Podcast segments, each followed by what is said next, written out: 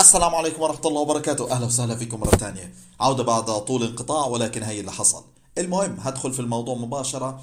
أنا جاي أتكلم في مبدأ رئيسي ممكن تطبيقه بأشكال مختلفة ولكن تطبيقه والنجاح فيه هيعمل نتائج كبيرة. سواء الهدف هو زيادة المبيعات أو حتى زيادة تفاعل الناس ال- ال- زحمة ال traffic. الأخ أنت شو بتفكر من أهداف؟ هو بي- بيطبق بأشكال مختلفة. فأي واحد بيبني منتجات تقنية ممكن يطبق هذا المبدأ كمبدأ تسويقي من خلال بناء المنتج. أو حتى واحد بيشتغل في العقارات ممكن يطبق هذا المبدأ. تخيل يعني concept رئيسي ولكن بيطبق في أرض الواقعية في بناء المنتجات التقنية وفي أماكن كتير. وفهمك لإله هو بيساعدك إنك أنت تفهم نفسيات الناس وتستفيد من فهمك لهذه النفسية. ما راح أطول عليكم كتير. خلينا نبلش في هذا البودكاست. إن شاء الله يكون بودكاست ممتع. و... قبل ما نبلش البودكاست ما تنسى تعمل لنا subscribe على هذا البودكاست و share ه مع الناس المعنيين في هذا الموضوع. Everyone wants what everyone wants. الكل يريد ما يريده الكل. أنا حسام الكرد وهذه خبرة عمل بودكاست جديد. يلا معانا.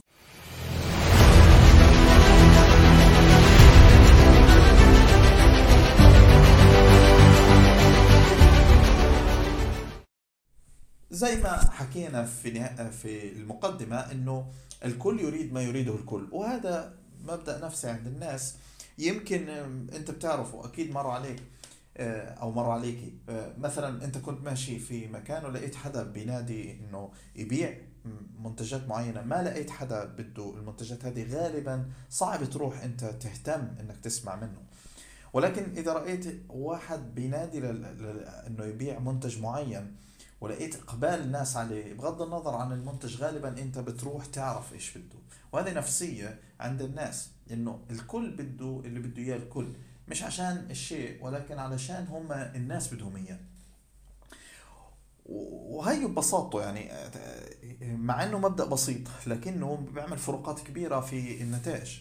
يعني المطاعم على سبيل المثال ممكن ببساطة لو في مطعم هتلاقي الناس كتير بت بت بتلاحظ إنهم هم بدخلوا غالبا هتلاقي ناس أكتر بيحاولوا يدخلوا المطعم هذا ويشتري منه.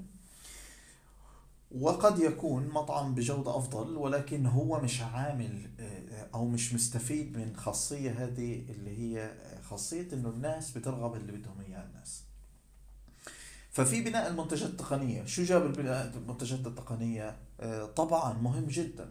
ويمكن لاحظته يعني في مواقع التسويق آه، أو عفوا المواقع ال e-commerce الكبيرة لو فتت عليها على منتج معين ممكن تلاقيه إنه بيحاول يثير هذه النقطة من خلال إنه يقول لك إنه في ناس بيراقبوا المنتج هذا أو أو ال- الكمية على وشك النفاذ وفي عشرة بيحاولوا يراقبوا هذا المنتج.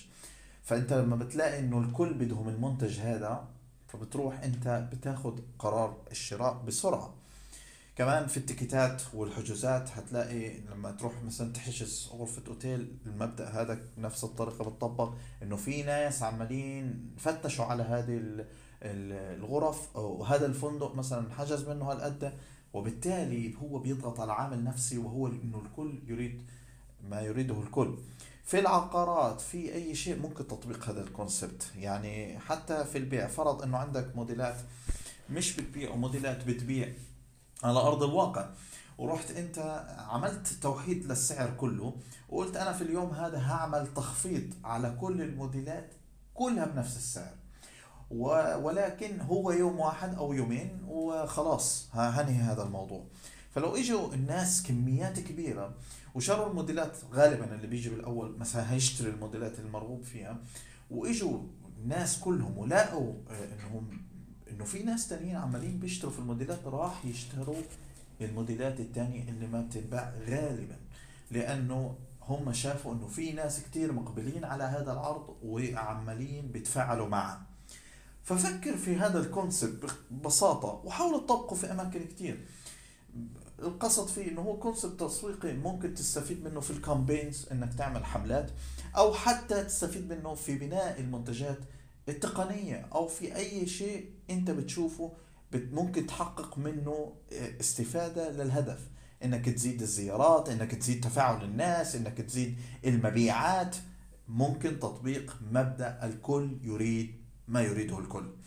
أتمنى بهذه الكلمات البسيطة أنه أكون وصلت لك المبدأ هذا وممكن أنه أنت تطبقه عندك.